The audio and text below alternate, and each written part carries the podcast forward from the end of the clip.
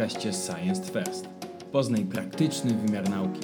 Jest to comiesięczny cykl spotkań popularno-naukowych organizowanych przez Instytut Psychologii Uniwersytetu Jagiellońskiego i Stowarzyszenie Olinujot. Dziesiątym tematem spotkań była psychologia fitnessu. Gośćmi doktora Samuela Nowaka i Tomasza Pytko był dr Tomasz Ligenza, psycholog oraz czynny triatlonista oraz Anna Murawska, absolwentka psychologii i studiów na Akademii Wychowania Fizycznego, trenerka fitness. Zapraszamy do wysłuchania rozmowy. To ja może zacznę jako kulturoznawca, bo jestem tutaj takim komisarzem humanistycznym, żeby za bardzo nie zaszło na neuroscience. A więc dla humanisty, dla kulturoznawcy cała moda na bycie fit, siłownia, wysiłek fizyczny się raczej kojarzy z nadzorować i karać. To jest taka bardzo ważna książka francuskiego filozofia Michela Foucault, który pokazuje, czy pokazywał, na jak różne sposoby się nowoczesne społeczeństwa dyscyplinuje, w jaki sposób wtłacza się w pewne reżimy. No i z tej perspektywy e, jednak ta, e, cała ta moda na bycie fit wydaje się takim kolejnym reżimem, który ma ta, nas jakoś tam pionować i pilnować, żebyśmy e, robili rzeczy, które są społecznie oczekiwane, a, a, a nie poświęcali czasu na głupoty. Więc jakby spróbujcie mnie przekonać i może też część z Państwa, że jednak jest za tym coś, coś więcej i niekoniecznie musi się to kojarzyć właśnie z takim karaniem, nadzorowaniem własnego ciała, aby osiągnąć wymarzony efekt. Nie wiem, kto chciałby zacząć. To może ja zacznę? Nie wiem, czy słychać mnie dobrze? Chyba tak. E, no więc oczywiście, że się nie zgodzę z tym, co Samuel twierdzi. Na argument główny przedstawię tu, że aktywność fizyczna jako taka jest wpisana w nasz gatunek. Gdzieś tam w ewolucji zawsze jako ludzie potrzebowaliśmy tego wysiłku fizycznego i on często nam został odebrany po prostu w toku życia codziennego, w natłoku obowiązków. Nie jesteśmy w stanie tego robić. Z drugiej strony rzeczywiście powstał wielki boom na to i wszelkie różne treningi to, że mówi się, że każdy właściwie potrzebuje trenera personalnego, przepraszam cię tu za to, e, ale również to, że potrzebujemy wszyscy e, niesamowitych jakichś zajęć z crossfitu czy z czegoś, jest już takim zwykłym przejawem komercjonalizmu i być może nie jest to potrzebne. Tak naprawdę wydaje mi się, że to, co potrzebujemy, znajdziemy, jeżeli chodzi o dietetykę, w zwykłym supermarkecie, a jeżeli chodzi o wysiłek fizyczny, po prostu w parku czy w domu, więc z jednej strony tak, a z drugiej nie. Ulubiona chyba odpowiedź naukowca. E, a tak, albo to zależy. Ale generalnie jeszcze chciałem powiedzieć, że to, o czym mówiłeś, te wszystkie e, takie nadzory, o których mówiłeś, e, to jest rzeczywiście coś z zewnątrz, jakieś karanie. To jest rzeczywiście coś, że próbujemy się wcisnąć w jakiś plan treningowy, zrealizować jak najwięcej mm, w cudzysłowie marzeń. Chcemy pobiec 10 km poniżej 40 minut. Zakładamy, że jak osiągniemy poszczególne cele, to to zrealizujemy i rzeczywiście możemy się wpędzić w taką niewolę. Będziemy zniewoleni przez te cele, więc tutaj raczej byłbym e, w kierunku otwarty takiego treningu bardziej intuicyjnego, żeby robić po prostu to, kiedy nam się chce i co w danym momencie nam się chce. Troszkę y, wyśmiałeś crossfit, może, może nie wyśmiałeś, ale mam na myśli, y, podsumowałeś ten aspekt taki skomercjalizowany mm, uprawiania sportu aktywnego. Zastanawiam się, jak u ciebie to wyglądało, bo, bo nie uwierzę, żebyś nigdy nie wpadł w, w, w takie ramy w swoim biogramie napisałeś, że uprawiałeś aktywnie sport y, od małego, a od kilku lat y, trenujesz triatlon. Jest to na tyle y, trudna dyscyplina, bo złożona jednak z trzech mocno wysiłkowych, mniejszych dyscyplin. Jakby ktoś nie wiedział, to powiemy, jest to pływanie, bieganie i jazda na rowerze gdzie w każdej z nich można popełniać mnóstwo błędów, że zapewne gdzieś na Twojej drodze pojawił się trener albo potrzeba jakiegoś jednak zetknięcia się z, z profesjonalizacją. Tak, oczywiście, powiem więcej, pojawił się nawet crossfit i to przez dwa lata go gdzieś uprawiałem. Bardziej tu myślę też o coś, co, o czym się często mówi, to jest syndrom takiego aktywnego kanapowca. Osoby, która e, cały dzień leży na kanapie, chodzi do pracy, nie jest aktywna, ale trzy razy w tygodniu zrywa się nagle na ostre zajęcia crossfitu. I takie coś myślę, że jest niekonieczne, a wręcz szkodliwe. A jeżeli o mnie chodzi, to rzeczywiście miałem e, styczność z trenerami e, i miałem, byłem też poddawany, sam siebie poddawałem bardzo szczegółowym reżimom treningowym, gdzie był, chciałem zaplanować każdy dzień przez następny rok, co zrealizuję i jaki trening. I po prostu zauważyłem, że to nie działa, że zauważyłem, że trening bardziej oparty na ogólnych celach i na decydowaniu po prostu tak w danej chwili i przy byciu bardziej elastycznym jest przede wszystkim zdrowszy, a też prowadzi do dobrych osiągnięć. Oczywiście niekoniecznie na najwyższym poziomie, ale nikt tu z nas nie będzie zawodowcem, ale też na bardzo wysokim. Więc oczywiście jest to potrzebne, ale nie można dać się zwariować. A czy kiedy wraz ze wzrostem wiedzy psychologicznej, z tego co też biogramy mówią, rocznik 8-9, tak? 8. 8-8, czyli y, studia zakończone kilka lat temu, przewód doktorski również. Czy z biegiem czasu zmieniało się twoje podejście do, do ćwiczenia i do sportu razem ze zdobytą wiedzą? Już nie mówię o tym, czym konkretnie teraz się zajmujesz, bo to pewnie wyklarowało się gdzieś, gdzieś pod koniec y, studiów czy na początku doktoratu, no ale na tym początkowym etapie poznawania swojego umysłu lepiej w czasie edukacji na studiach. Tak, na początku to było ruszanie się, po prostu chęć bycia aktywnym, wyskoczenie na narty, na rower, zrobienie czegokolwiek. Później jak się pojawiły jakieś cele treningowe, chęć startów w zawodach i zachłyśnięcie się nauką, to też taka chęć usystematyzowania tego i sprowadzenia wszystkiego właśnie do e, odpowiednich progów metabolicznych, do pomiarów, do, do wszystkiego z cyfryzacji po czym nastąpiła taka integracja, w której używam oczywiście nauki w tym sporcie, ale z większym przymrużeniem oka. No to jakby to samo pytanie powtarzamy do naszej drugiej gościni. Ty łączysz też wiedzę wyniesioną z AWF i wiedzę psychologiczną, więc ta odpowiedź mi się wydaje, że będzie dość kompleksowa. Tak, e, no to ja mam podobne zdanie do Tomka. To znaczy, wydaje mi się, że nawet w zawodowym sporcie troszeczkę odeszliśmy od takich typowo sowieckich metod 100% albo nic. Sportowcy wyczynowi też zwracają uwagę teraz większą na regenerację, na mm, te wszystkie aspekty Mm, odnowy biologicznej po treningu i sam trening, każda jednostka treningowa nie musi zostać wykonana na 100%. W ciągu 10 treningów 8 będzie zrobionych na 80%, jeden będzie gorszy, a jeden będzie na 100. I ten jeden, który był zrobiony na 100 czy nawet na 105%, to jest ten, który gdzieś tam pozwoli nam później przeskoczyć jakąś barierę u sportowca. Czyli mamy zarysowany pewien jakby program za waszymi działaniami, ale chciałbym jakby zacząć jednak e, od samej tej psychologii sportu, o której mówiliśmy i, tej, i tego dobrego samopoczucia. E, I to pytanie może najpierw, może najpierw do Tomka. Jak to rzeczywiście, jaki jest ten mechanizm tego dobrego samopoczucia i jak to jest, że nie u wszystkich to działa? Ja pamiętam, dość długo się katowałem bieganiem, pływaniem lata temu i zawsze wychodziłem z tej wody po prostu zdenerwowany, wkurzony i sfrustrowany. Nie miałem żadnego wyrzutu endorfin i mokry i zły.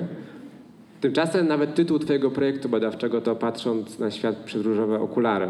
No, zakładam, więc zakładam, że mamy udowodniony jakiś związek między e, zwiększonym wysiłkiem fizycznym a tym dobrym samopoczuciem. Jak to wygląda na poziomie tego, jak działa nasz mózg? E, tak, no jak najbardziej jest ten związek. Oczywiście można mówić, że już starożytni mówili, że w zdrowym ciele zdrowy duch i tak dalej, i tak dalej. Ale tak jak zauważyłeś, to wszystko zależy od tego, ile tego wysiłku, kiedy, jaki to jest wysiłek i czy jesteśmy w stanie sobie na niego w ogóle pozwolić. Jeżeli chodzi o wpływ na mózg, to bym tutaj powiedział, że można wyróżnić takie dwa wpływy. Wpływ taki krótkotrwały, czyli zrobimy trening i zaraz po treningu coś się zmienia w funkcjonowaniu naszego mózgu. I to funkcjonowanie bym przyrównał do wypicia mocnej kawy i zjedzenia dobrego ciastka czekoladowego, powiedzmy, pod warunkiem, że są spełnione warunki, że ten wysiłek był odpowiedni. Kawy, dlatego że powinniśmy, nasz mózg zaczyna działać szybciej, bardziej efektywnie, jesteśmy bardziej pewni siebie i sprawni. I to rzeczywiście w naszych badaniach pokazujemy, że osoby w różnych zadaniach, które wymagają myślenia, są sprawniejsze. A jeżeli chodzi o to ciastko, to są te endorfiny, których tobie zabrakło, ale które się powinny pojawiać i które powodują, że czujemy się po prostu lepiej. Z drugiej strony, samo bycie aktywnym fizycznie ma taki długotrwały skutek na nasz mózg i w tej kwestii możemy mówić o tak zwanej plastyczności mózgu. E, nasz mózg się wolniej starzeje, przybywa nam więcej szarych komórek, więc generalnie jest to dla niego zdrowsze i wolniej się po prostu starzejemy. Więc tutaj możemy wyróżnić te dwa takie ogólne wpływy, ale znowu, jeżeli nienawidzimy biegać, a dziś żeśmy przeczytali, że jak trzy razy w tygodniu po 30 minut pobiegamy i będziemy się do tego zmuszać, wstawać, mimo że nam się nie chce, będą nas boleć stawy, bo nie jesteśmy akurat może do tej aktywności przystosowani, to rzeczywiście więcej nam to szkody wyrządzi niż zdrowia. Podobnie można powiedzieć, że ktoś, kto zawodowo się zajmuje wysiłkiem fizycznym, wyobraźmy sobie na przykład kuriera jakiegoś, który cały dzień jeździ na rowerze, raczej sesja spinningu wieczorem nie, nie poprawi mu nastroju. Myślę, że raczej byłoby to po prostu odpoczynek na kanapie z pizzą, a być może nawet z piwem. Więc to wszystko troszkę zależy od tego, jak dawkujemy ten wysiłek, czy też nie mamy za dużo stresu, czy, czy na przykład nie musimy jechać przez pół miasto, przez pół miasta w korkach, żeby dojechać na jakieś pół godziny zajęcia, co nas może bardziej zdenerwować niż same zajęcia, które nas mo mogą dać nam efekt, więc myślę, że jeszcze będzie tutaj okazja podyskutować, jakie warunki powinny być spełnione, żeby to działało tak, jak oczekujemy. Ale wspomniałeś, że te efekty po intensywnym wysiłku fizycznym, jakie możemy zaobserwować, są, możemy je zaobserwować zaraz po, ale jak długo się utrzymują? Czy jest na przykład jesteśmy w stanie naukowo ocenić, ile po takim wysiłku utrzyma się ten poziom endorfin czy, czy innych czynników, które w mózgu za, zachodzą? Tutaj jak zawsze ta odpowiedź tak dokładnie, to zależy, ma znaczenie, ale można mówić o tym, że ogólnie jeżeli zrobimy trening rano, to do wieczora powinniśmy się czuć lepiej. W przypadku bardzo intensywnych, takich eksplozywnych ćwiczeń, jak na przykład krótkie sprinty, takie na maksa, albo mocna siłownia, często się mówi, że nawet efekt widoczny w różnych wyrzucie hormonów często trwa do 48 godzin. Więc tak bym to widział, gdzieś od godziny, kilku godzin maksymalnie do dwóch dni. Trochę trudno mi w to uwierzyć, ale skoro są to dowody naukowe i zebrane, system usystematyzowany, to widocznie coś robiłem, e, coś robiłem nie tak. E, dobra, to jakby to podobne też pytanie do, e, do Ani, jakby czy jakby da się ogóle też tak zaprojektować e, trening i pytam cię jako zawodowej trenerki, żeby jakby na to, na to dobre samopoczucie utrzymać i czy jakby ten element, ten właśnie komponent samopoczucia jakoś tak zaprojektować do przodu, żeby ono się utrzymywało. Jakie jest twoje doświadczenie? Mm, na pewno trening musi być dobrze dopasowany do osoby, czyli być może twoje treningowe doświadczenia nie były tymi, które powinny się pojawić u Ciebie. E, często przychodzą na siłownię osoby, które nic nigdy nie robiły i chcą zacząć się ruszać. I bardzo często um, u tych osób zaczynamy od spacerów. I trener personalny może nawet wyjść z taką osobą na spacer, marszobieg, później przejdzie to na bieg. E, ale zaczynamy od y, czegoś, co najpierw zrelaksuje trochę głowę, da poczucie komfortu. Nie wyjdę z taką panią, która pierwszy raz przyszła na siłownię na środek e, wielkiej siłowni do panów, którzy tam 30 lat już chodzą i pompują biceps. E, raczej zamknę się z nią gdzieś w małej salce albo właśnie wyjdę na zewnątrz. Czyli ten jej komfort psychiczny to już jest taki czynnik, który e, na to samopoczucie wpłynie. To jest jedno. Dwa, no nie można takiej osoby na pewno przyciążyć na samym początku. E, no i ten wysiłek musi być do niej dopasowany.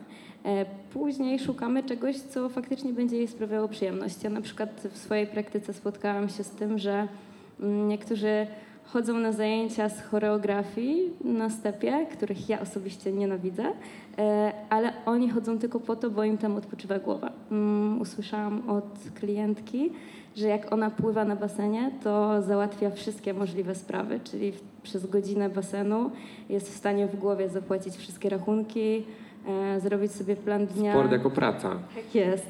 E, a idzie na chorałkę, ma tam mm, do nauczenia się kilka elementów, które tak zajmują jej głowę, że nie jest w stanie o niczym innym myśleć. E, I ona się czuje po takich zajęciach wypoczęta. Ja się po nich czuję zestresowana, bo tak musiałam myśleć, którą stronę muszę iść za chwilę, że jestem tak zmęczona psychicznie, że fizycznie ani się nie spociłam, nic się tam nie podziało, ale psychicznie padam.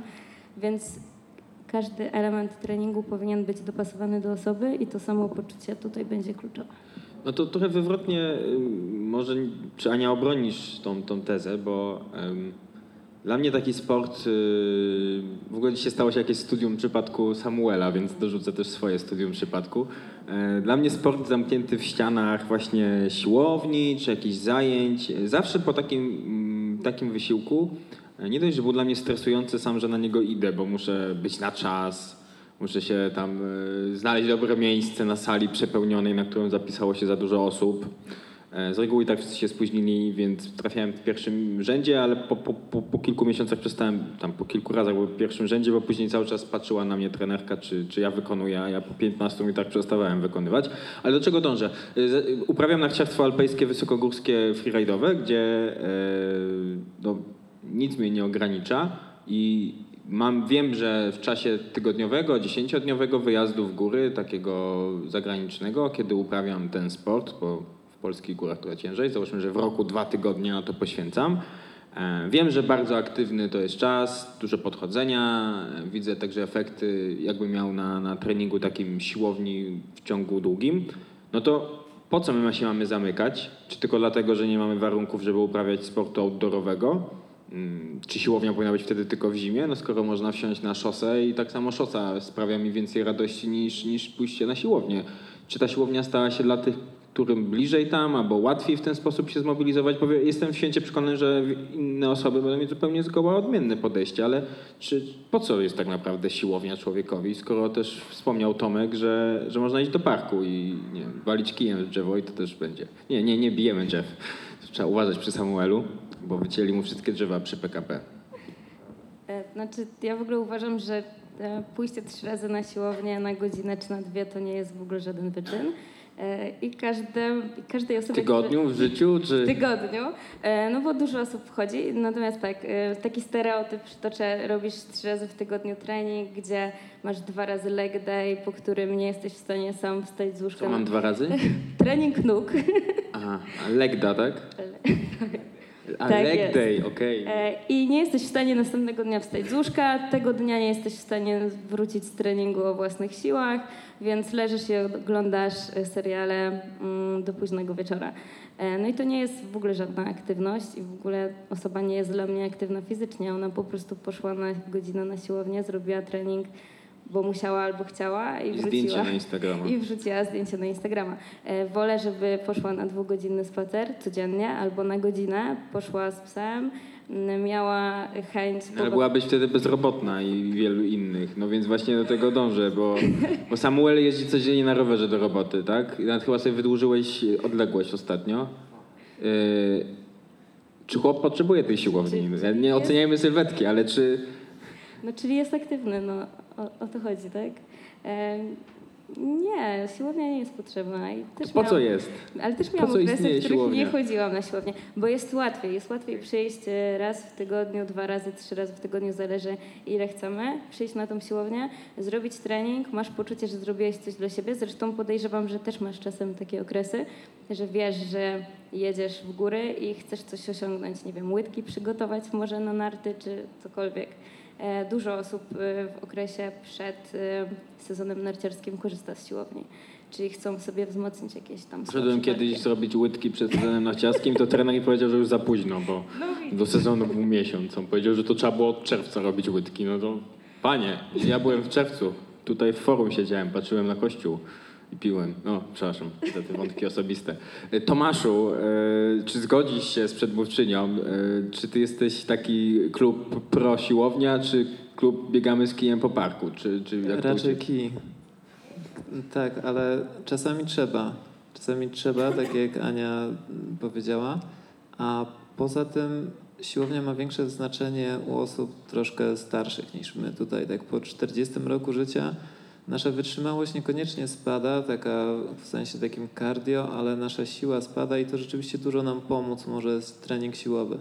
Trening siłowy trochę inne daje nam takie właśnie poczucie psychiczne. Czujemy się po nim bardziej energetycznie, jest większy wyrzut tych testosteronu, jest większej energii, bym powiedział, a po takim treningu cardio po prostu się czujemy lepiej e, samopoczuciowo. Wyjaśnijmy sobie dwa pojęcia, bo Samuel się zdziwił o co chodzi w treningu cardio i w treningu siłowym. Cardio, czyli od nazwy serca, taki, który angażuje ten mięsień głównie, czyli chodzenie, bieganie, pływanie. Wszystko, co można robić długo i nie jest tak bardzo męczące, troszkę przy tym sapiemy. E, ważne, żeby nie za bardzo właśnie, jak, jak się okazuje. A trening siłowy, no, krótki, bardzo intensywny, eksplozywny, jakieś sprinty, zarzucanie sztangi, biceps i te sprawy. E, I generalnie wydaje mi się, że najważniejsze jest sprawdzić, co lubimy. Pójdźmy na tę siłownię, przerzućmy trochę żelastwa, może nam to sprawi przyjemność rzeczywiście. Jeżeli nie, to poszukajmy czegoś innego. Poszukajmy przede wszystkim czegoś w naszej okolicy. Może mieszkamy blisko jakiegoś fajnego lasku i może spodobają nam się spacery albo biegi górskie, albo rower górski, a może mieszkamy przy jeziorze i powinniśmy spróbować pływania, więc e, tak jak mówiłeś, narciarstwo jest super, ale też no, przerabiałem tego typu sporty. W nich problemem jest to, że nie masz ich na co dzień. Samopoczucie dobrego funkcjonowania potrzebujemy na co dzień. Więc dobrze sobie coś znaleźć, do czego mamy dostęp na co dzień i spróbujmy szukać tego w najbliższej naszej okolicy, tych okazji, bo może są, kije są wszędzie prawie, a z tymi drzewami to nie wiem jak różnie, ale spróbujmy różnych rzeczy najpierw e, i tych najprostszych, bo one się w długiej perspektywie najlepiej sprawdzają.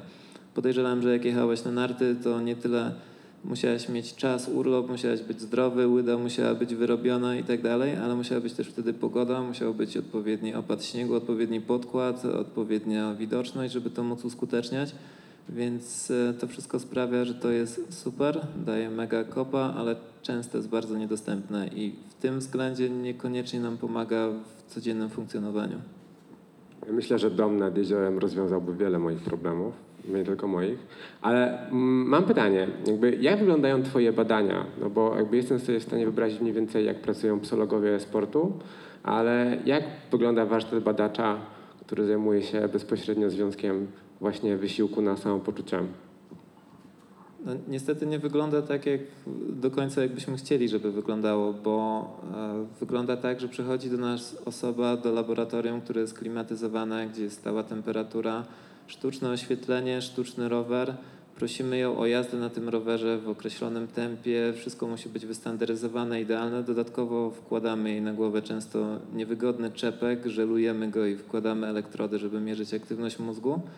E, więc to wszystko jest dalekie od rzeczywistości, ale ma rzeczywiście ten komponent aktywności fizycznej i jako tako już widzimy pozytywne efekty tego. Czyli mimo, że osoba jest w sztucznym środowisku, w niesprzyjających warunkach, i tak jest jej lepiej po wysiłku fizycznym niż przed. E, no i tutaj wiadomo, że na tej podstawie możemy mówić o pozytywnych efektach sportu, ale oczywiście one są na pewno mocno niedoszacowane, bo wysiłek fizyczny to też właśnie bieganie po parku, spotkanie kogoś znajomego na treningu i porozmawianie, to też e, jakiś aspekt właśnie taki społeczny, bycie w przyrodzie i, i, tego typu kwestie, których w laboratorium ciężko zbadać. Właśnie trochę uprzedziłeś moje pytanie o ten kontekst społeczny. Czy da się tak wyrwać sport e, i odtworzyć pewną sytuację w laboratorium? Czy można? Ale też pomyślałem jeszcze o jednej, czy o rywalizacji, która często jakby jest ważnym elementem sportu i czy tutaj coś psychologia ma do opowiedzenia i, nie mam, i znowu nie pytam o psychologię sportu, ale wyciągnięcie tego komponentu rywalizacyjnego czegoś nam jednak nie odbiera w tej wiedzy, którą potem generujemy na ten, na ten temat? Na pewno trochę odbiera. Znaczy ja myślę generalnie, że taki komponent rywalizacyjny, czyli to, że dużo z nas chce rywalizować w jakichś amatorskich zawodach, tak naprawdę nam pozwala bardzo dobrze jakoś ustrukturyzować i zmotywować nas do treningu. I wtedy być może ta siłownia znienawidzona. Mm, będzie dla nas lepsza, bo nie będziemy w niej widzieć tylko właśnie godzinnego rzucania żelastwem niepotrzebnego, tylko będziemy widzieć to jako krok w naszym celu, żeby lepiej rywalizować później. Więc jak najbardziej ta rywalizacja może wpływać na takie uskutecznianie i trwanie w, danym, w danej dyscyplinie.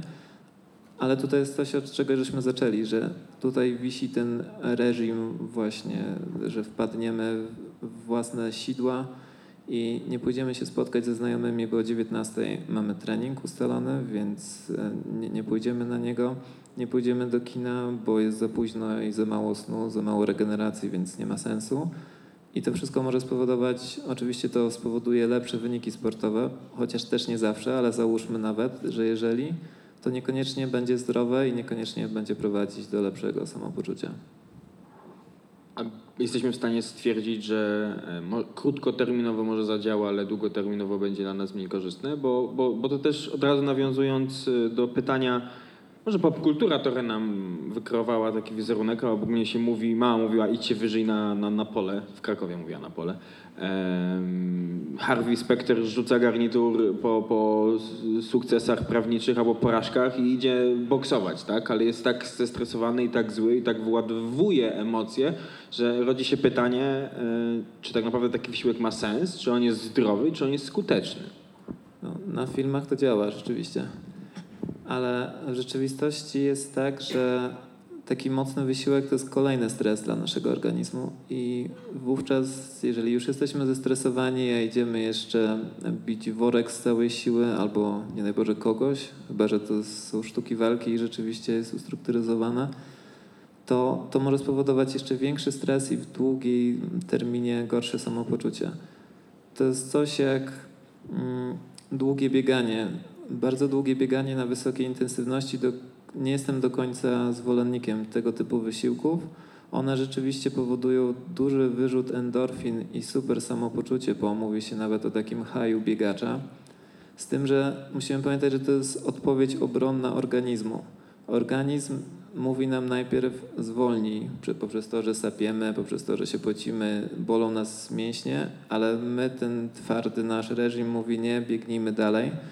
Więc organizm mówi, ok, skoro tak, to zacznę produkować substancje, które spowodują, że będzie, będziesz odczuwać mniej bólu i trwać w tym, bo prawdopodobnie to jest konieczne. Być może uciekasz przed jakimś e, zwierzęciem, bo tak to bywało w naszej pewnie historii kiedyś. E, I w końcu to spowoduje nasze super samopoczucie, ale jednocześnie może nam dostarczyć dużo stresu, takiego mówię stresu na poziomie fizjologicznym, które w dłuższej perspektywie, jeżeli nie będzie równoważone odpowiednim odpoczynkiem, w dłuższej perspektywie będzie miał negatywne skutki. Mięśnie wtedy się zakwaszą, a co będzie z mózgiem? E, mięśnie się zakwaszą, ale jeszcze tu trzeba pamiętać, że serce jest też mięśniem i ono też się potrafi zakwasić. Często jest tak, że po maratonie, jeżeli bada się osoby, one często mają markery we krwi wskazujące na stan przedzawałowy, bo po prostu serce już też się zakwasza, też już ma dość. E, podobnie jest z mózgiem. Powstają, w naszym organizmie powstają wolne formy tlenu, tlenu czyli wszystkie te, mm, e, te substancje, które próbujemy zwalczyć antyoksydantami w diecie. Bardzo dużo tego powstaje, to ma negatywny wpływ na nasz mózg sam, właśnie kwas mlekowy również nie najlepiej wpływa, więc w dłuższej perspektywie na pewno nie jest to dobre rozwiązanie. Nie wiem, to naprawdę nie brzmi jak e, dobry sposób na, e, e, na spędzanie wolnego czasu, a na zasadzie jak bardzo zły sposób na spędzanie wolnego, wolnego czasu. A chciałbym, chciałbym nawiązać do jeszcze jednej rzeczy, bo e, mówiłeś wcześniej o plastyczności samego mózgu, e, zwłaszcza w kontekście osób starzejących się uprawiania sportu. Czy możesz trochę ten wątek rozwinąć? E, w sensie dokładnie co miałeś na myśli i jakby jaki jest dokładnie związek jakby trwałego wysiłku i samego, samego faktu, że mózg jest plastyczny? Bo nie do końca chyba zrozumiałem. To się głównie jest zapośredniczone przez tak zwany hormon BDNF, który jest hormonem powodującym wzrost naszych neuronów. I z jakichś względów, do końca nie wiadomo jakich, jak ćwiczymy, do naszej krwi ten hormon jest wyrzucany, no a mózg sobie z niego korzysta. I tak jak wcześniej mówiłem i straszyłem, że są wyrzucane te złe różne związki, to jeżeli ten wysiłek jest odpowiedni, czyli nie jest zbyt intensywny, nie jest zbyt długi, będą wyrzucane te hormony które są taką pożywką dla naszego mózgu, powodują jego ciągły rozwój lub w przypadku starzenia się wolniejsze starzenie się. Ja teraz chciałem skierować pytanie do, do Ani, bo powiedzieliśmy sobie, co jest dla nas tak naprawdę niezdrowe, co jest dla nas także niebezpieczne przy, przy takim wysiłku, a nieraz spotkałem się z opiniami czy poradami trenerów, coachów, zwał jak zwał, e, osób, które, osób, osób, które chcą innych trenować, e, że dobry trening to jest taki, po którym następnego dnia nie możesz wstać z łóżka. To tak naprawdę A kto odpowiada za, za te osoby, e, kto je szkoli, bo wiem, że tam nie ma tak, nie państwowego certyfikatu trenera fitness. Różni znani trenerzy robią swoje własne, zdaje się, ale jak, jak ta wiedza jest przekazywana? Ty masz zupełnie inny background, bo jednak e, najpierw jesteś e, i byłaś psycholożką, gdzieś ten sport ci towarzyszył i postanowiłaś to przełożyć także w praktyce. No ale de facto jak postawić obok siebie w rzędzie trenerów e, personalnych, to na pewno duża grupa posiada wiedzę, rozwijają. E, wielu może stanowić zagrożenie także dla, dla swoich podopiecznych, e, a pewnie niewielu ma wykształcenie psychologiczne i dodatkowo na przykład sportowe i łączy te dwa aspekty. Mm, znaczy teraz chyba mm, REPS, mm, certyfikat ma wchodzić do Polski i są szkoły, Mauricz i jeszcze parę, które mają kształcić trenerów właśnie pod kątem tego certyfikatu. Ale to wchodzi od tego roku i do tej pory... Co to jest za certyfikat? Nie wiem, jakaś jakieś takie europejskie, omega, czy... no, europejskie zalecenia, jak to faktycznie, no bo nie ma zawodu trenera jako takiego, e, ale takie już wytyczne się pojawiają. E, więc może coś w tym kontekście będzie się zmieniać, ale tak, myślę, że Mm, trener powinien mieć i wiedzę na temat fizjologii i anatomii. Jak się patrzy na siłownię, nie zawsze wszyscy mają taką wiedzę. Mm, no i faktycznie czasami krzywdę też można komuś zrobić, ale dobry trener zawsze na początku zasada nie szkodzić, tak jak lekarz czy psycholog. I tym się kierujemy na samym początku. Mm, najpierw poprawna technika, a dopiero potem jeszcze jedno powtórzenie, czy 100% albo nic. Czyli najpierw przygotowujesz osobę do wysiłku, potem możesz od niej wymagać. Ale przychodzi um, osoba na trening i w jej życiu różne rzeczy um, się dzieją. To nie jest tak jak sportowiec, który cały dzień ma pod kątem tego jednego treningu czy dwóch jednostek treningowych ułożony dzień. No tylko osoba, która była w pracy, dziecko jej zachorowało, cokolwiek. Mm, I czasem taki trening trzeba dla niej zaprojektować trochę inaczej. Czyli ja sobie idę na ten trening i myślę, fajnie, dzisiaj zrobimy coś tam, ale przychodzi mi Zosia i mówi, że słuchaj, nie powinno mnie tu dzisiaj być. Spoko, zrobimy tak, żeby było dobrze. E, niektórzy trenerzy nawet no i takich... co, co się robi wtedy Zosi, żeby jej było dobrze? Grasz nią w ping-ponga na przykład. No i płacę stówę trenerowi, że zagrał w ping-ponga? Żartuję, ale to do nie. forum można przyjść, tu jest stół. Można, ale to są, znajdujesz jej zadanie na przykład w tym ping-pongu, gdzie ona i ćwiczy swoją technikę, którą dzisiaj miała wykonać, odstresowuje głowę i dobrze się bawi. Ten śmiech na tym treningu godzinę daje jej dużo więcej niż y, położenie ją pod sztangą y, i robienie, nie wiadomo, podnoszenie tego żelarstwa. Y, bo ona przyjdzie na następny trening i będzie bardziej zmotywowana, ale ten dzień powinna odpocząć wciąż chyba wolałbym pójść na komedię do kina niż e, uprawiać wesoły sport na siłowni. Przed ping-ponga, którego jeszcze bardziej nie znoszę. E, ale nie jest... jest coś, co lubisz? E, jeśli chodzi o wysiłek fizyczny, będzie to trudne. E, chciałbym e, nawiązać do zapowiadanego wątku, e, czyli wątku cukrzycy. Tutaj Tomku, z którą się od jakiegoś czasu zmagasz. I Powiedz nam jakby na czym polega ten typ twojego typ skojarzenia, bo jest to cukrzyca typu 1. E, no i jakby też wpłynęła na twoją aktywność fizyczną, zarówno osoby, która zawsze była fizycznie aktywna, ale też osoby, która ma dość sporą naukową wiedzę e, dotyczącą samego wysiłku fizycznego. Mhm. Więc generalnie cukrzyca typu pierwszego polega na tym, że mój organizm przestał produkować insulinę. Insulina jest to hormon, który jest konieczny do tego, żeby spalać glukozę, cukry, czyli nasz podstawowe, nasze podstawowe źródło energii. Ulubione źródło energii dla mięśni, ale też dla mózgu, więc no, trenując i pracując na uczelni to było średnia wiadomość. I jak to się zmieniło? Na początku się w ogóle nie zmieniło, bo zalecenia lekarskie jest tak, są takie, żeby żyć normalnie i po prostu wstrzykiwać odpowiednią ilość insuliny do wszystkiego i robić tak jak życie, żeby przebiegało tak jak wcześniej. I rzeczywiście tak próbowałem żyć jakiś czas, ale te skoki tego cukru były olbrzymie i to jest praktycznie niemożliwe żeby żyć zdrowo. Oczywiście można żyć, ale żeby żyć zdrowo. I to, co, e, na co otworzyły mi się oczy, coś, co też jest dosyć ostatnio podnoszone w sporcie, to to, że jednak ta glukoza nie jest jedynym paliwem dla naszego mózgu i mięśni, a tą rolę bardzo dobrze mogą pełnić też tłuszcze.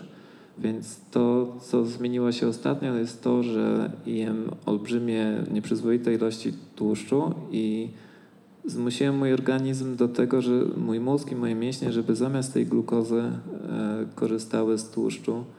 I to rzeczywiście działa i ma szereg pozytywnych konsekwencji, aczkolwiek nie wszystkie jeszcze poznałem. Jak jest samopoczuciem i nastrojem? No bo jakby cukier to jest też jakby źródło szczęścia, tłuszcz również, ale sam tłuszcz też jest źródłem szczęścia. Omlet z boczkiem, awokado jest źródłem szczęścia na pewno, ale musimy pamiętać, że jesteśmy, że cukier ma duże właściwości uzależniające i po prostu potrzebujemy go, więc samopoczucie przez pierwsze 2-3 tygodnie jest gorsze niż twoje pobieganie, podejrzewam. Ale następuje taki moment, kiedy organizm zaczyna wytwarzać z tłuszczu tak zwane też ciała ketonowe. One się też stają e, uczy się po prostu ich używać zamiast glukozy. Chciałem dopytać, bo y, ta duża ilość tłuszczu to jest właśnie ta dieta mityczna y, ketonowa? W moim przypadku tak. W moim przypadku to jest mityczna dieta ketogeniczna, która niestety nie jest stosowana dobrze przez większość ludzi, ale ogólnie to, co, mm, bym, to, co mnie nauczyło, to jeżeli jakimś cudem bym był znowu zdrowy, nie wiem, czy bym stosował tą dietę, być może tak. Jeszcze to się okaże w przyszłym sezonie, jakie będę miał wyniki sportowe, ale na pewno bym ograniczył ilość węglowodanów spożywanych. To jest coś, co na pewno jesteśmy w stanie wszyscy zrobić, być bardziej elastyczni, nie tylko korzystać z glukozy, ale także z tłuszczu, zrobić sobie czasami trening na czczo jakiś, na mniejszej intensywności, e, tak żeby nie mieć takich spadków mocy, żeby jak nam tego cukru zabraknie, którego ilości mam ograniczone, żeby nasz organizm miał gdzieś drugi zbiornik z paliwem po prostu. I jeszcze taka ogólna, ogólna rzecz, która jest, musimy wiedzieć, że spalanie tłuszczu to jest taki zdrowszy, e, zdrowsze paliwo.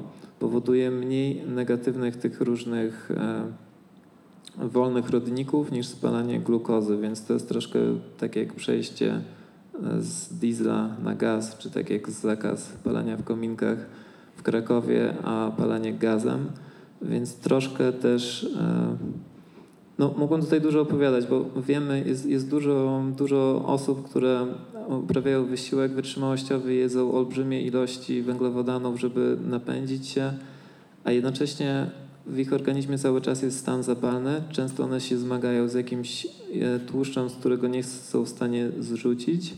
I to jest często też wynik zbyt dużej ilości węglowodanów. Nie węglowodanów jako takich, nie demonizujmy ich całkiem, ale jej zbyt dużej ilości.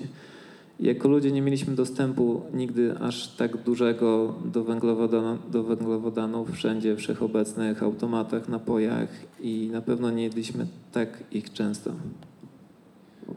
Ja tylko też dodam y, wam, że to takie śmieszkowanie dwóch zwolnionych z WF-u się skończy. W sensie będziemy chcieli, żebyście zadali jakieś pytanie i współuczestniczyli w tym spotkaniu, bo żeby nie było tylko, że dwóch lawirantów sportowych się wypowiada i pyta, ale chciałem dopytać ciebie Tomku, y, jakoś wczoraj mi się zchodziło to pytanie, bo w popularnym talk show niepopularnego króla telewizji był prezes, czy tam członek jednej z fundacji, który niedawno u niego zdiagnozowano cukrzycę. cukrzycę. Zdaje się, że też jakiś tam wylew był w międzyczasie niestety. Ale jak u ciebie ta diagnoza się potoczyła? Bo rozumiem, że od roku zdaje się wiesz, że masz cukrzycę, czy ona się pojawiła, czy ona była? Jak się diagnozuje cukrzycę? Skąd wiedziałem, że ją mam? No, co, coś podejrzewałem, ale akurat to się złożyło z moim wyjazdem do Stanów Zjednoczonych, gdzie stosowałem dietę typowo dla tej kultury, czyli olbrzymia ilość e, burgerów, frytek popito kolą. I najlepiej się czułem, muszę przyznać, więc e, miałem bardzo, strasznie dużo piłem, strasznie dużo też sikałem bo, i myślałem, że to kwestia tego słonego jedzenia, być może jetlagu, ale okazało się, że to była kwestia czegoś innego, mojego cukru we krwi, który osiągnął jakieś astronomiczne wartości i organizm domagał się po prostu picia wody, żeby wypłukać go z krwi. No i przyjechałem do domu, więc cały czas zwalając na tą dietę amerykańską, ale cały czas się dalej źle czułem, więc myślałem, że być może jetlag w drugą stronę.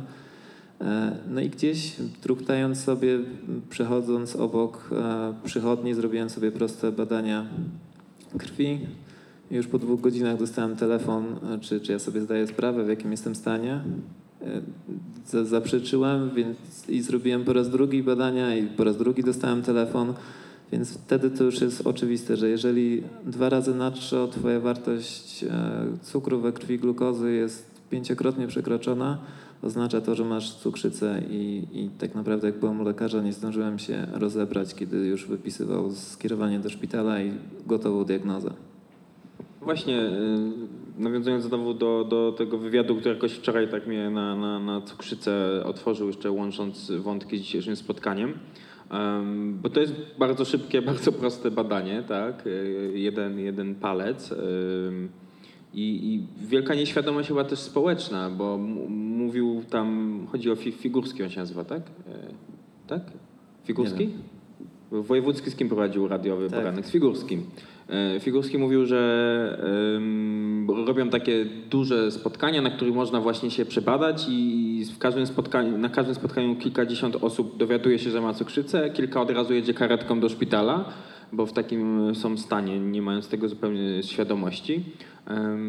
Po prostu pójść do przychodni, albo żeby też znowu nie chodzić y, bez powodu, jakie jeszcze objawy oprócz tych, które zarysowałeś w swoim amerykańskim śnie mógłbyś nam przedstawić? E, no, przede, przede wszystkim to jest e, utrata masy ciała albo wzrost masy ciała, raczej utrata taka nagła.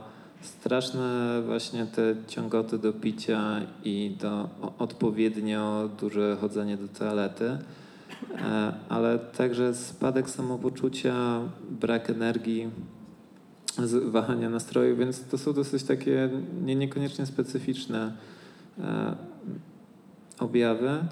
I te objawy są nagłe w przypadku cukrzycy typu pierwszego, tak jak miało to miejsce u mnie, ale są bardzo delikatne i rozłożone w czasie w przypadku cukrzycy typu drugiego, więc dlatego w tym drugim przypadku często te przejścia w kierunku tym złym są tak powolne, że ten moment, kiedy zachorujemy, jest przeoczany i po prostu nie, nie zdajemy sobie z tego sprawy.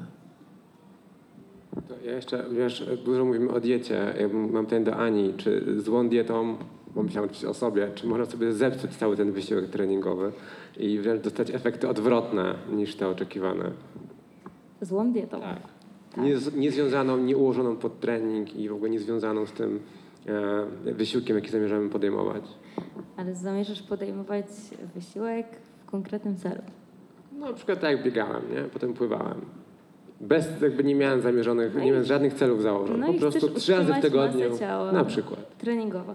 No to jeśli twój trening nie kończy się tym, że wychodzisz y, z miejsca, gdzie trenowałeś, albo wchodzisz do domu, jeśli to był bieg, y, i nie zaglądasz gdzieś tam po pączki i ciastka, to myślę, że y, uda się utrzymać tą masę ciała, ale w momencie, jeśli sobie myślimy, że właśnie zrobiłam trening, zegarek mi pokazuje 600 kalorii spalonych na treningu, no to mogę zamówić pizzę. Ja bym się tym nie kierowała. E, te nasze zegarki zawsze zawyżają nam trochę ten poziom aktywności. E, nawet nie wiem, czy podczas biegania spaliłbyś te 300, mm, więc E, jedzenie jak najbardziej powinno być jakimś tam paliwem, które nas napędza, e, ale nie nagrodą za trening. Myślę, że to wiele tłumaczy. A... Przepraszam, ja chciałem jeszcze dopytać, zanim, zanim Samuel e, poradę dietetyczną chciał, chciał powziąć. E, zapytać Tomka o zagrożenia dla cukrzyków aktywnych fizycznie, tak? Byłeś osobą aktywną fizycznie, chciałeś pozostać osobą e, aktywną e, fizycznie. Czy są jacyś znani sportowcy, którzy wiesz, że mają pierwszy albo drugi typ cukrzycy? Czy to się wyklucza wzajemnie? Na ile to jest przeszkoda dla ciebie w codziennym treningu? Drugi typ raczej się wyklucza z takich założeniowych przyczyn, bo on doty dotyka osób najczęściej otyłych, nieaktywnych fizycznie, więc raczej wśród nich sportowców światowej klasy próżno Rzut młotem na przykład. Być, być, może, ale myślę, że, że oni też sporo trenują. To się wydaje, że, że to tylko właśnie jakieś te kije, parki, rzucanie, ale tam jest też dużo innego treningu. Ale jeżeli chodzi o cukrzyków pierwszego typu, tak, jest bardzo dużo sportowców. Mamy kajakarza, który był, zdobył medal Igrzysk Olimpijskich. Niestety nie powiem teraz, nie wspomnę jego nazwiska. Ale jest też cała grupa zawodowa kolarska, która jest złożona tylko i wyłącznie z cukrzyków, na przykład pierwszego typu właśnie, więc... Na Tour de Pologne jechali w tym roku, zdaje się. Tak, jechali. Więc jest to możliwe. To była Polska w ogóle, polski zespół. Polacy tam jechali, czy się mylę? Byli Polacy, zespół nie jest polski, to jest Novo Nordisk, czyli e, firma farmaceutyczna produkująca insulinę skądinąd. E, ale nie, nie jestem pewien, to jest jakiś skandynawski chyba zespół, norweski podejrzewam. Jak ale doje, dojechali do mety, więc, więc... Tak, dojechali, e, ale no nie ułatwia to na pewno. Aczkolwiek a to, co mm, musisz sobie, że tak powiem, dostarczyć sztucznie do organizmu, e, nie jest na przykład na liście środków dopingujących, czy nie można wtedy podciągać, tak jak są słynne lokatletki z ast, nie, Marit Biergen z astmą, tak? To ten tak, case tak. study.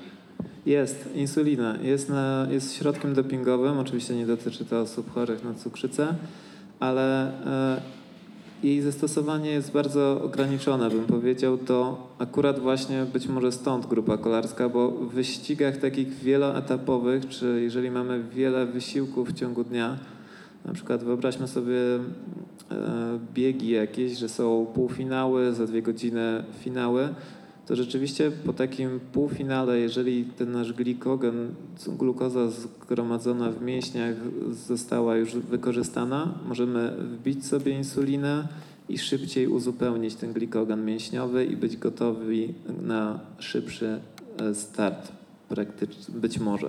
Ale w praktyce to nie jest takie proste i, i raczej, raczej to nie jest tak jak z tą astmą, więc raczej jest więcej rzeczy, które przeszkadzają niż, niż miałoby to pomagać. Mi w żaden sposób wyniki w triatlonie się nie poprawiły. Nie poprawiły. Mimo, że próbowałem oczywiście jakoś użyć swojej choroby, żeby poprawić swoje wyniki, ale nie. Ale ym, to same zawody triatlonowe, nie wiem e, w którym e, bierzesz udział, czy to jest jedna druga, czy cały, czy Ironman, ale no, to jest to bardzo długi wysiłek. Ym, różni się twój start od innych zawodników? Musisz mieć ze sobą, nie wiem, to jest chyba pompa insulinowa, tak? E, pompy nie, aczkolwiek muszę mieć, co jest bardzo przydatne, tak zwany monitor glukozy, który w sposób ciągły cały czas monitoruje mi poziom cukru we krwi. I jak coś jest nie tak, to dzwoni do mnie na telefon moja cukrzyca i każe mi zjeść na przykład po prostu cukier. Ale triatlonie się płynie, to gdzie masz ten monitor wtedy? No to jest ta niebezpieczna część triatlonu właśnie dla mnie, szczególnie, że zbyt niski cukier może powodować, że zemdlejemy, a zemdlenie w wodzie w tłumie ludzi może nie być e, korzystne w skutkach ogólno, ogólnozdrowotnych. Ale no, są metody, żeby na, na treningach sprawdzam, jak ten cukier się zachowuje i zawsze z jakimś zapasem mam go wyższy, na przykład tak, żeby jak mam przez jakiś krótki czas za wysoki, krzywdy mi to dłużej nie zrobi, a jakbym miał za niski, no to może taką, jak opisałem wcześniej. Czy nie wiem jak dla Państwa, dla mnie to brzmi przerażająco, nie zachęcająco.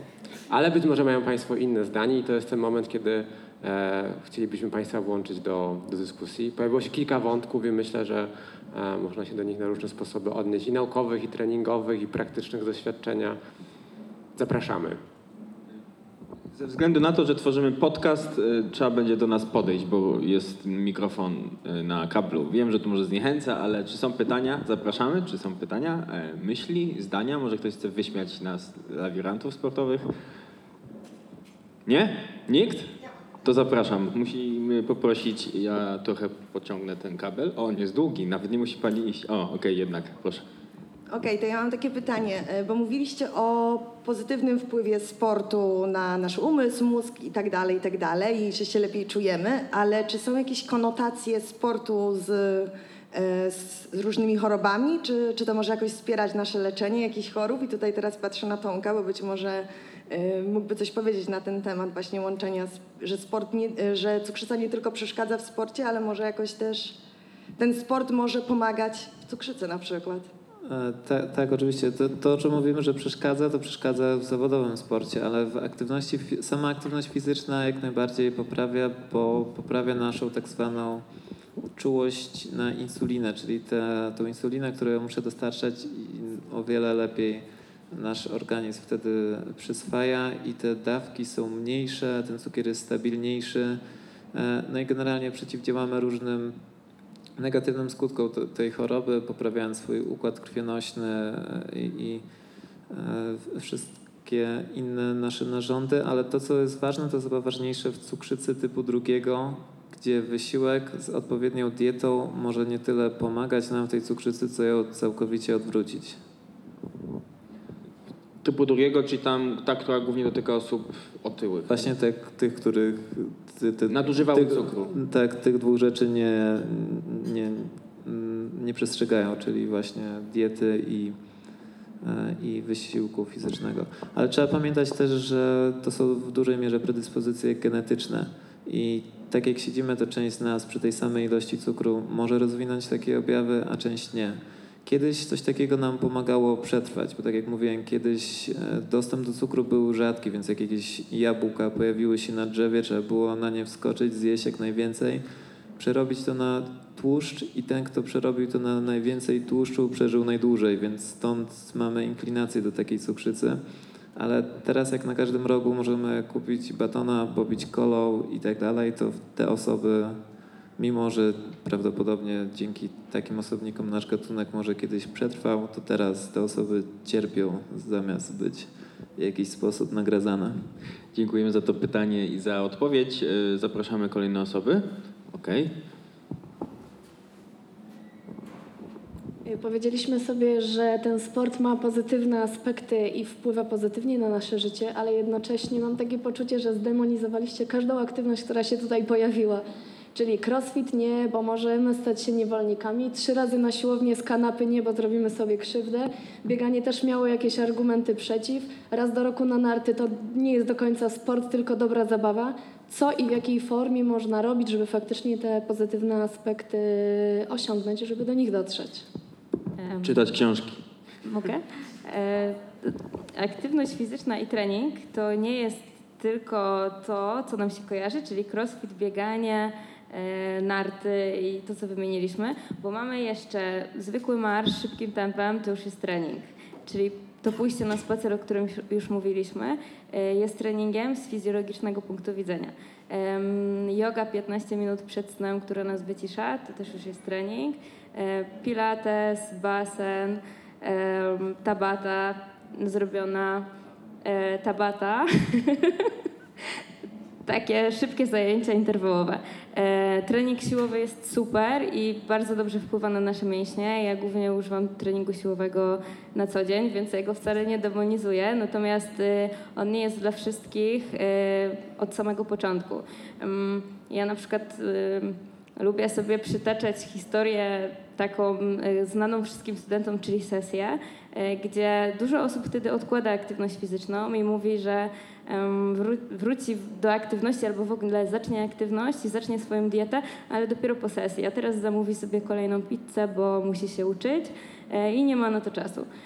Ja zawsze w sesję chodziłam częściej na siłownię niż y, wcześniej, niż przed sesją, bo miałam więcej czasu i pójście na siłownię dla mnie było momentem na odstresowanie się ja przychodziłam i byłam w tym samym punkcie co moje koleżanki, które godzinę sprzątały pokój, e, gotowały coś i oglądały seriale. Ja poszłam na siłownię, lepiej się czułam, szybciej przyswajałam materiał, bo u mnie tak to działało. Natomiast one, jak już się ze mną wybrały na ten trening, szły spać po treningu. Po prostu nie były przystosowane, czyli ten poziom wytrenowania ma też u nas znaczenie. Jak ktoś nie jest wytrenowany, to trening nie zadziała na jego mm, te poznawcze komponenty, tak samo jak na osobę, która jest wytrenowana, czyli ten plastyczny mózg nie zadziała tak samo u tej osoby, która dopiero zaczyna, bo ona po prostu będzie zmęczona tym treningiem. To jest stres i dla mięśni, a nasz mózg nie odróżnia stresu, który dostarczamy mu poznawczo, od tego takich tych mięśniowych stanów zapalnych, które generujemy. E, czyli mm, jeśli zaczynamy przygodę ze sportem, to warto po prostu wejść bez dodatkowych stresorów, e, iść na spacer, popływać, e, żeby nam się to po prostu kojarzyło później dobrze i żebyśmy nie robili tego przez miesiąc, tylko zostali z tym na dłużej. Ja jeszcze tylko chcę dodać i przeprosić crossfit i bieganie ode mnie, bo nie chciałem, żeby tak to wybrzmiało.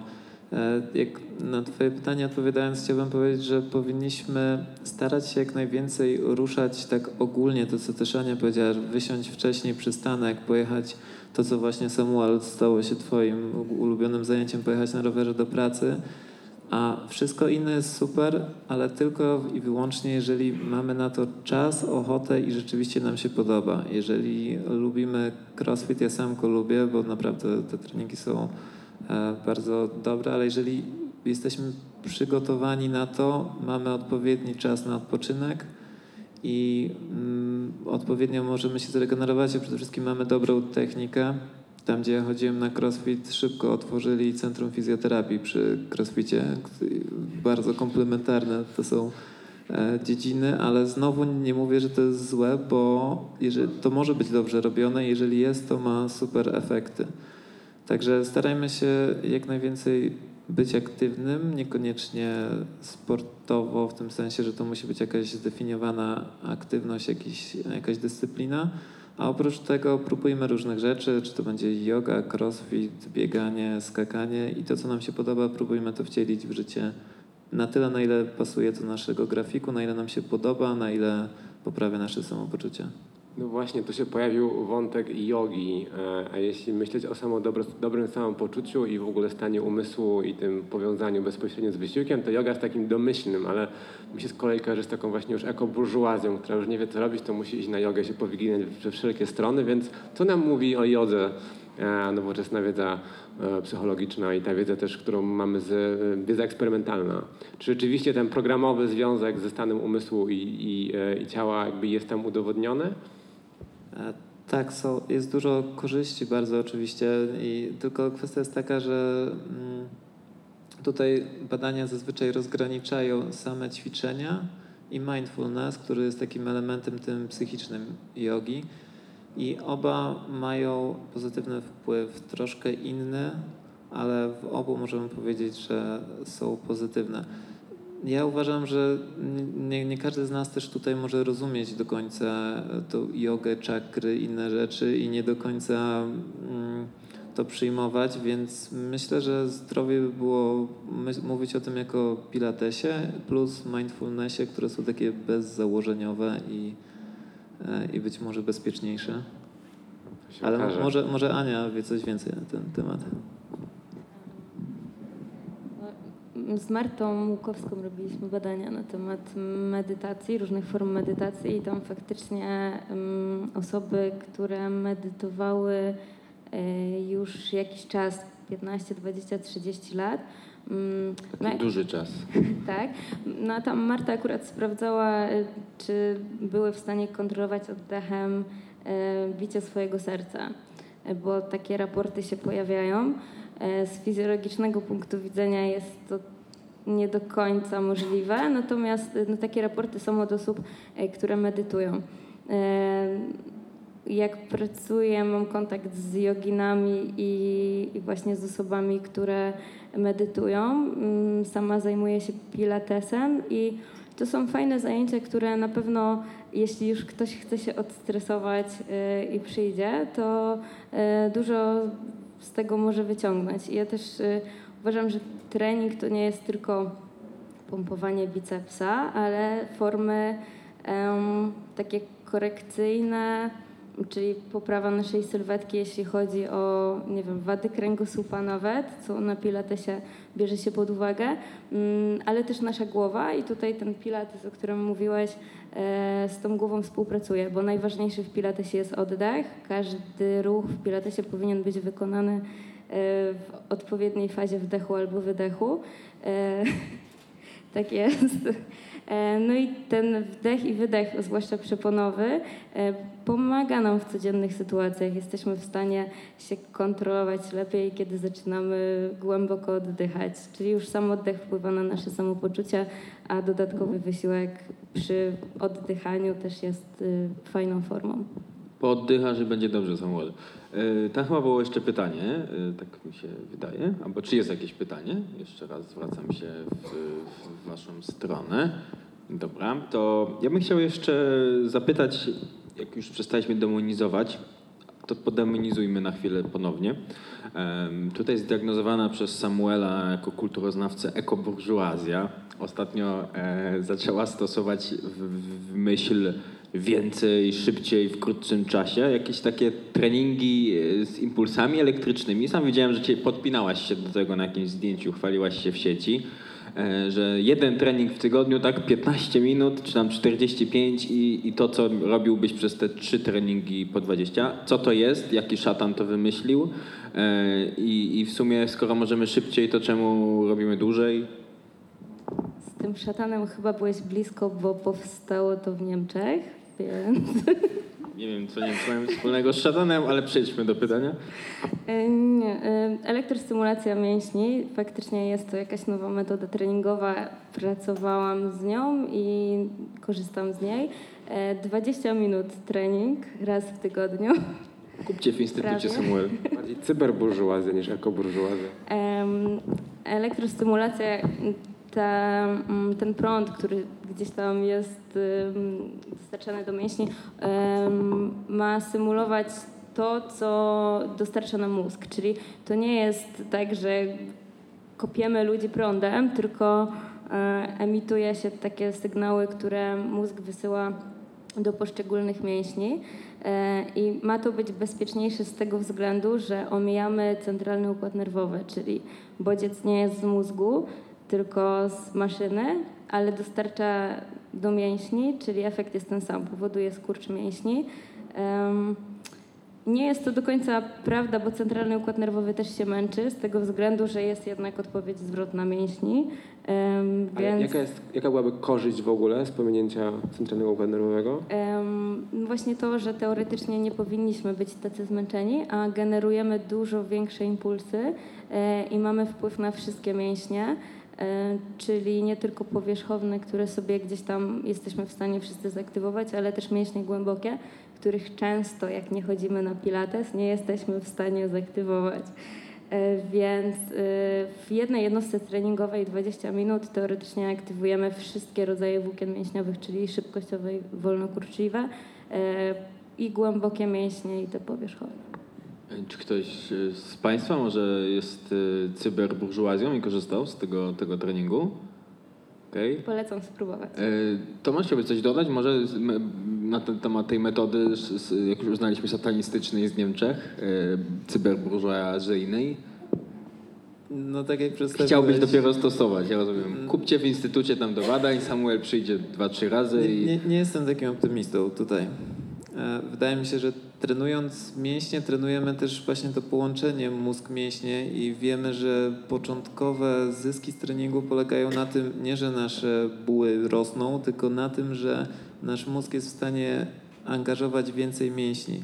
Wiemy też, że bardzo często zmęczenie nawet w wysiłkach wytrzymałościowych jest związane nie z tym, że już mięśnie nie dają rady, tylko mózg już nie daje wysyłać informacji do mięśni albo mówi daj sobie spokój, jesteś zmęczony, usiądź na kanapę. To jest na przykład dlaczego ludzie zawsze padają za metą po maratonie, tak? Czemu jeszcze wcześniej, gdyby meta była 10 metrów dalej, to pewnie by biegli dalej. To, to jest kwestia tego, że to mózg tymi impulsami, które omijamy i których trening wyrzucamy, e, to właśnie on powoduje, więc ja, ja nie jestem takim. No bo kładą tam matę wygodną, do każdej się chętnie rzuci jak można. Gdyby był asfalt, to by się nie rzucali. To jest wina organizatorów. No możliwe, że tak, trzeba by to sprawdzić. E, tam są takie maty, jakby ktoś nie wiedział, wygodne, bo biegłem. E, dobiegłem. E, jeszcze jakieś pytanie czy, mamy? czy biegłeś za metą? Chciało ci się jeszcze biec na przykład za metą? Nie, bo z, z, oni też stawiają tam takie wolontariuszki, wolontariusze, oni dają medale, banany inne rzeczy i się nie chce już nic, bo się nie da, bo jest takie zwężone. To jest źle zaprojektowane. No tak, rozumiem, żebyś biegł, jakby się dało. Tak, tak, tak. Robił sobie źle. Y, Mamy jeszcze jakieś pytania? Y, Zachęcamy do zadawania ich. To ja chciałbym zapytać jeszcze y, Ani, jako że nazw, tytułem y, naszego spotkania była psychologia fitnessu. Oczywiście jak zwykle mm, wylądowaliśmy gdzieś na... mm, y, Wylądowaliśmy, zaczęliśmy od porzucenia socjalistycznych technik treningowych, żeby wylądować w nazewnictwie burżuazji, ekoburżuazji, ale już kończąc żart, chciałbym zapytać o to, no bo trener personalny powinien być, e, mieć podejście psychologiczne też przede wszystkim do, do swoich e, podopiecznych, do swoich, no nie nazywajmy to klientów, ale też trzeba zwrócić na to uwagę. I zastanawiam się, jakie techniki korzystasz, z jakich technik korzystasz e, w, pracując z, z, z osobami, które chciałyby osiągnąć jakieś efekty. Podejrzewam, że um, zaczynać od tego, że wspólnie ustalacie te, te efekty, tak? Bo, bo, bo wiadomo, że osoby przychodzą z różnych pobudek na siłownię, no ale mm, ja jak tak gdzieś z boku obserwowałem kiedyś, kiedy jeszcze miałem srebrną kartę z napisem Multisport yy, na siłowni trenerów personalnych, to dziwiłem się właśnie, że ludzie reagują na hasło jeszcze jedna seria, jeszcze dasz radę i jest świetnie, ciśniesz, nie? Jakby to były jedyne słowa, jakie słyszałem od tego trenera. Nie wiem, oni, mo- może oni później w szatni odbywali półgodzinną rozmowę ewaluacyjną po tym treningu, może. Ale y, jak to powinno wyglądać, bo jakich ty stosujesz praktyk i co działa? To wtedy będziemy mówić do Samuela i może zadziała. No przede wszystkim, tak jak zaznaczyłeś, to mm, dobry trener to jest trener, który mm, jest psychologiem i dobrym obserwatorem, bo w tej pierwszej rozmowie, jak przychodzi osoba, no to zawsze albo chce schudnąć, albo przytyć, albo e, coś zrobić z tymi boczkami gdzieś tam. E, Natomiast to nie zawsze jest e, to, co faktycznie później w dalszej współpracy wychodzi, że to jest główny cel. Często to jest na przykład chęć, nie wiem, żeby móc y, pobiegać razem z dziećmi po trawie, a nie jesteśmy w stanie nawet wejść na drugie piętro na schody, bo mamy zadyszkę, E, więc później to jest dużo ważniejsze niż te boczki, które gdzieś tam przeszkadzają na pierwszy rzut oka. E, I do tego się dociera w tej pierwszej rozmowie. A jeśli chodzi o te wszystkie hasła, jeszcze jedna seria, jeszcze jedno powtórzenie, e, w treningach grupowych to działa. Z tego względu, że właśnie jesteśmy w grupie. Ja jak robię trening e, ten sam, który później na przykład robię w grupie, nie zrobię go nigdy tak dobrze, jak robię go w grupie, bo muszę zrobić trening na 200%, żeby osoby, które są na sali, zrobiły go chociaż na swoje 80%. Czyli przyjdzie mm, Grażyna z Zosią i one siądą sobie gdzieś tam z tyłu na macie i będą chciały rozmawiać przez całe zajęcia. Ja chcę, żeby one chociaż 50% dzisiaj zrobiły tego, co mogą. E, A przyjdzie pan Krzysiu, który sobie gdzieś tam z przodu, e, żeby się widzieć cały czas w lustrze stanie. E, I on dzisiaj ma swój dzień i on patrząc na to, jak ja ćwiczę na 200%, on zrobi dzisiaj swoje 110 i on będzie z siebie zadowolony. Mm, 80% zazwyczaj jesteśmy w stanie wyciągnąć z ludzi, 100% e, odpowiednio zmotywowane osoby też e, zrobią trening w grupie. E, Tu się rodzi pytanie, jaki trening jest skuteczniejszy? To może treningi grupowe są lepsze niż personalne. To w jakim celu są w sumie personalne? Tylko dla tych, którzy nie wstydzą się grupowo, nie lubią grupowo.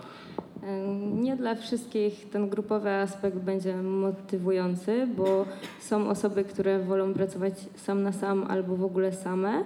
Mm, Są też osoby, które najpierw pójdą na zajęcia pers- z trenerem personalnym, a później dopiero na grupowe. Mm, Na pewno ten trening personalny jest w stanie pomóc tym osobom, które wiedzą, że mają jakieś e, swoje ograniczenia, na przykład y, tutaj często ograniczeniem jest albo jakiś ból. Na siłownię, na treningi personalne często przychodzą osoby, które są przed zabiegiem, na przykład rekonstrukcji ACL, albo po zabiegu mają y, diagnozę wzmocnienia danych partii mięśniowych i nie zrobią tego na treningu grupowym, bo na treningu grupowym już musisz mieć jakąś bazę. E, przychodzą panie po ciąży, albo w trakcie ciąży, które nie wiedzą, co mogą same ćwiczyć po ciąży z rozejściem kresy białej. No i osoby, które właśnie na przykład dostały zalecenie od lekarza, bo mają insulinooporność zdiagnozowaną, czy właśnie cukrzycę, y, cokolwiek takiego, gdzie powiedziano im, że mają się ruszać, ale nie wiedzą od czego zacząć. Więc zaczynają od treningu personalnego, ale mm, no ja pracując w parku wodnym mam tą bazę, że jestem i trenerem personalnym, i trenerem grupowym. Więc zawsze te osoby z treningów personalnych są wciągane w zajęcia grupowe, bo są, jak już są przygotowane i mają tą bazę, to trening grupowy jest ciekawszy. Czy mamy jeszcze jakieś pytania? To będzie pewnie ostatnia okazja, żeby je zadać e, publicznie. Okej, okay, super, zapraszamy. E, ja na początku tej rozmowy miałam takie wrażenie, że oboje Państwo podpisali się pod tezą tego, takiej dużej dowolności dobierania treningów, tego, że pójdzie 8 treningów na 10, nie wszystkie zostaną wykonane na 100%. I teraz chciałabym zapytać, nie w kontekście takich osób, które nie mają za wiele wspólnego z sportem, bo ja rozumiem, że lepiej jest osobę zasiedzianą wyciągnąć na trening dwa razy w tygodniu, żeby ona się przeszła gdzieś na spacer. Natomiast co w przypadku osób, które trenują tak półamatorsko, półprofesjonalnie i tutaj mam na myśli choćby wszystkich ambitnych triatlonistów, bo mając do czynienia z tą grupą, mam wrażenie, że triatloniści są taką grupą, którą dosyć mocno lubią sobie stawiać jakieś cele. Więc w jaki sposób pogodzić choćby całą, e, całe planowanie treningów, wszystkie mikro, makrocykle, e, ja rozumiem, nie wiem, hiperkompensację, superkompensację, odpuszczanie niektórych jednostek, Natomiast w jaki sposób pogodzić to, że komuś się nie chce, przychodzi na jakiś trening z złym nastrojem, to odpuszczać czy nie? W jaki sposób pogodzić całą periodyzację z koncepcją tego, żeby opuszczać niektóre jednostki? To ja Dziękuję bardzo. przekażę głos. E, ze sportowcami, półsportowcami pracuje się całkiem inaczej, czyli oni mają cel i ten cel jest dużo wyżej w głowie E, niż właśnie na przykład to, że chcę być sprawny, żeby pójść na spacer z psami i pobiegać z dziećmi po trawniku. Wtedy możemy sobie raz na jakiś czas odpuścić, ale jak mamy za trzy miesiące start w danym zawodzie, to te cykle, makrocykle wyglądają już inaczej. I wtedy mm, sport wyczynowy to jest walka z, ze swoją głową i półamatorsko jak startujemy, to też walczymy ze swoją głową, czyli e, to, że mi się dzisiaj nie chce, to jest właśnie ten moment, kiedy jesteś e, postawiona przed wyzwaniem, mm, czy później e, w momencie startu na przykład też nie zrezygnujesz. I te małe sumy, które sobie dajesz codziennie na każdym treningu, czy nawet dwa, trzy razy, jeśli trenujesz, e, to one się później sumują w twój sukces. To, czy odpuścisz, czy będziesz w stanie na triatlonie na którymś odcinku odpuścić, e, czy po prostu do końca przejdziesz i z jakimś czasem, który sobie ustawiłaś na przykład, będziesz w stanie ten dystans pokonać. Ja może z takich bardziej doświadczeń, bo mnie się wydaje, że takich grup jak triatlonistów motywować nie trzeba. Wręcz przeciwnie, tu jest wskazana demotywacja, bo ci ludzie chcą za dużo, za często i często to powoduje zmniejszenie ich skuteczności. I wydaje mi się, że najlepiej jeżeli jesteśmy, bo wiadomo, jesteśmy na przykład w takim cyklu przygotowań, gdzie robimy tak zwaną bazę trenową, czyli robimy sobie niską intensywność wysiłku e, i zaczynamy od te, te, te dwa miesiące, powiedzmy, najpierw trenujemy.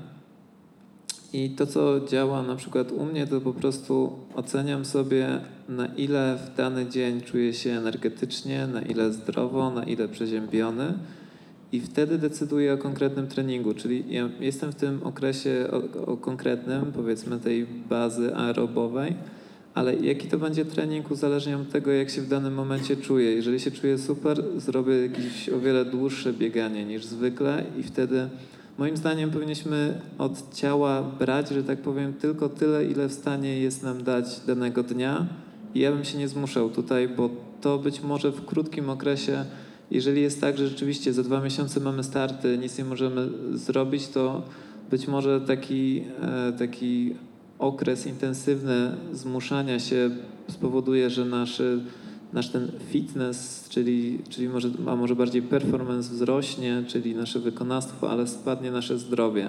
I tak na krótki okres czasu tak, ale jeżeli chcemy to robić długoterminowo i zdrowo, to myślę, że nie powinniśmy się zmuszać, tylko powinniśmy e, czuć na to energię. No i podobnie w kolejnych cyklach, tych, gdzie mamy już intensywność jakąś wprowadzamy, e, wychodzimy na trening, jeżeli czujemy, że nie jesteśmy w stanie dać z siebie tego, co powinniśmy, wróćmy do domu albo zróbmy lżejszy trening. Raczej tutaj jestem zwolennikiem zasady, że zrób coś na maksa albo idź do domu. I jeżeli właśnie mamy w celach w danym tygodniu zrobić powiedzmy dwa biegi na wysokiej intensywności, wychodzimy, źle żeśmy spali, czujemy, że to nie jest ten dzień, robimy po prostu zwykłe bieganie albo coś lekkiego. Jeżeli czujemy, że to jest to, próbujemy wycisnąć z tego, co się da, a być może nawet więcej niż żeśmy zaplanowali, bo wtedy to nam da tak naprawdę efekt. Czy mamy jeszcze jakieś pytania, bo to już naprawdę ostatni moment. To ja, zanim zadam ostatnie pytanie, tak sobie pomyślałem jednak, e, że e, to myślenie o sporcie, jak i takim właśnie, że daje dobre samopoczucie, podnosi jakość życia, to jednak dość kompatybilne z tym współczesnym reżimem, że trzeba być zadowolonym, trzeba się cieszyć, nie? W sensie to jest taki jeden z współczesnych reżimów społecznych. Trzeba się być zadowolonym, nie wolno narzekać. I w tym sensie to wszystko dość kompatybilne, więc pozostaję nieprzekonany. Ale chciałbym zapytać Tomku, wiem, że masz jakieś plany popularyzatorskie związane z zarówno ze swoją pracą badawczą, jak i, jak i, jak i przypadłością, z którą się mierzysz.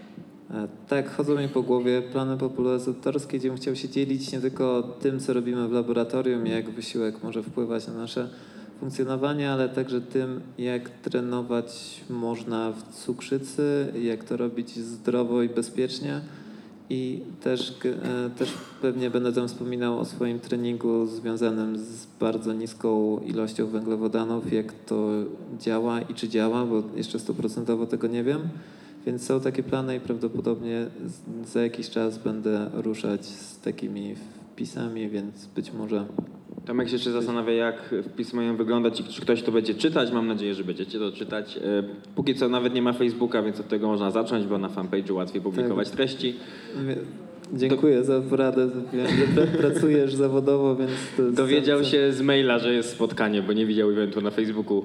Nie no, plakat wisiał w instytucie, więc... E, A, tak. Trzymamy za to kciuki, zdecydowanie pewnie wiele osób e, obiecałem, obiecałem już teraz założyć nawet jakąś stronę, ale nie udało mi się, ale teraz jak mówię to tutaj publicznie, to być może będzie lepiej z tym, także i założę. Jak, jak zdążysz szybko dodać, jak to, jak to, Face co? Jak, jak będą, to mówisz? Się, jak to się nazywało? Face? Fanpage. Www.facebook.com jak będą zdjęcia i będzie podcast, to wiesz, albo cię oznaczymy, albo cię nie oznaczymy. Jak cię nie oznaczymy, to już twoja strata. Sport to zdrowie, sport to kalectwo, każdy wybierze swoją, swoją drogę. Niech to nie wybrzmi na koniec jakoś demonicznie, ale e, mimo też ostatniej wypowiedzi Samuela, że nie został przekonany, ja jednak jestem e, fanem tego pierwszego.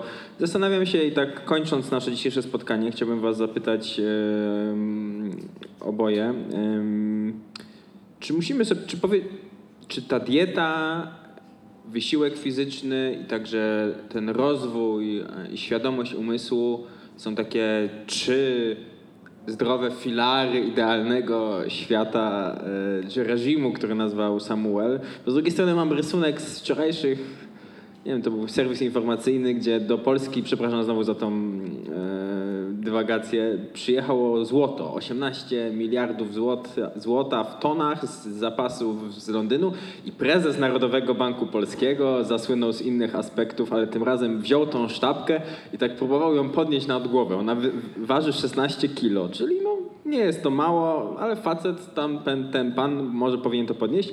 I on powiedział, no ja nie podnoszę, bo ja z tych, co czytam książki. I to jest moje, i tak na jedno z pytań odpowiedziałem, że trzeba czytać książki, oczywiście e, prześmiewczo raczej. powiedzmy sobie szczerze, wysiłek jest, na samym początku powiedziałeś, e, czymś, co ewoluacy, ewolucyjnie nie uciekliśmy od tego, raczej nasza miejska dżungla i miejskie życie nas tego wyzbyło. Ale to wszystko jest nam niezbędne w życiu. Tak też myślę, do, dopóki te wszystkie metody, o których Hania wspominała, jakiejś elektrostymulacji i innych nie będą perfekcyjne, to wciąż to jest część naszego dziedzictwa, coś, co jest nam potrzebne jako gatunkowi, po prostu jako człowiekowi, e, żeby żyć w pełni i żeby być w pełni człowiekiem, nawet bym powiedział. Pamiętajmy, że kiedyś nie dało się zamówić jedzenia leżąc na kanapie ze smartfona, trzeba było się co najmniej po nie przejść, a często nawet przebiec albo i powalczyć, a czasami to trzeba było też uprawiać dużo aktywności fizycznej, żeby samemu się nie stać jedzeniem. Więc to, to wszystko tak żeśmy zostali stworzeni i do, do, funkcjonowania odpowiedniego, żeby nie mieć tej cukrzycy drugiego typu, żeby nie mieć innych chorób, potrzebna jest nam dawka jakiejś aktywności fizycznej, ale nie przechodźmy znowu w drugą stronę, bo więcej nie będzie oznaczało lepiej. To ja tylko przypomnę, że gatunek mamy tę niesamowitą zdolność przekraczania wszystkich naszych ograniczeń, więc mam nadzieję, że również uwolnimy się od tej konieczności. Zanim zakończę dwa ogłoszenia, już zapraszam Państwa raz jeszcze e, na kolejne spotkanie 19 grudnia w Hewre. Porozmawiamy o edukacji seksualizacji, e, a wcześniej 11 grudnia również w Hewre kolejna nauka w pigułce i porozmawiamy o dopingu mózgu, o nutropach, czyli substancjach prokognitywnych 11 e, grudnia. Co, bardzo Wam dziękuję za tę rozmowę. Tobie za sprowadzenie. Ja również dziękuję. Ja dodam, że 11 na plus 1, a 19 na minus 1 Hewre, żeby się nie pogubić. E, wydarzenia na pewno znajdziecie na Facebooku. Chciałbym przypomnieć, że będzie podcast, jakbyście chcieli przekazać e, go dalej e, albo coś, do czegoś wrócić, do na przykład określeń burżuazji cyfrowej albo ekologicznej i nowych sformułowań, to jak najbardziej. Anna Murawska, wielkie brawa. Dzięki. Tomasz Ligęza, wielkie brawa, przyszły popularyzator i bloger. Który nie istnieje. Znany influencer wśród cukrzyków. Ale ja jeszcze chciałem powiedzieć a propos nowych terminów, że sama ten termin psychologia fitnessu nie istnieje tak naprawdę, i, ale twórcą jego jest nie kto inny, tak. tylko... Doktor Samuel Nowak, wielkie brawa. Sam prześmiewca i największy. E, ale stwierdziliśmy, że, że tak, że to jest to, więc jeżeli będziecie gdzieś słyszeć ten termin, to wiedzcie, że tym, kto go stworzył jest nie, nie kto inny, tylko Samuel właśnie. To podziękujemy Samuelowi wielkimi brawami również. E, ja się na początku nie przedstawiłem, Tomek Pytko, bardzo wam dziękuję za dzisiejszy wieczór. Jeżeli chcecie skorzystać z naszych gości, to podchodźcie śmiało i ciągnijcie ich za włosy i zadawajcie pytania. Dzięki, do zobaczenia.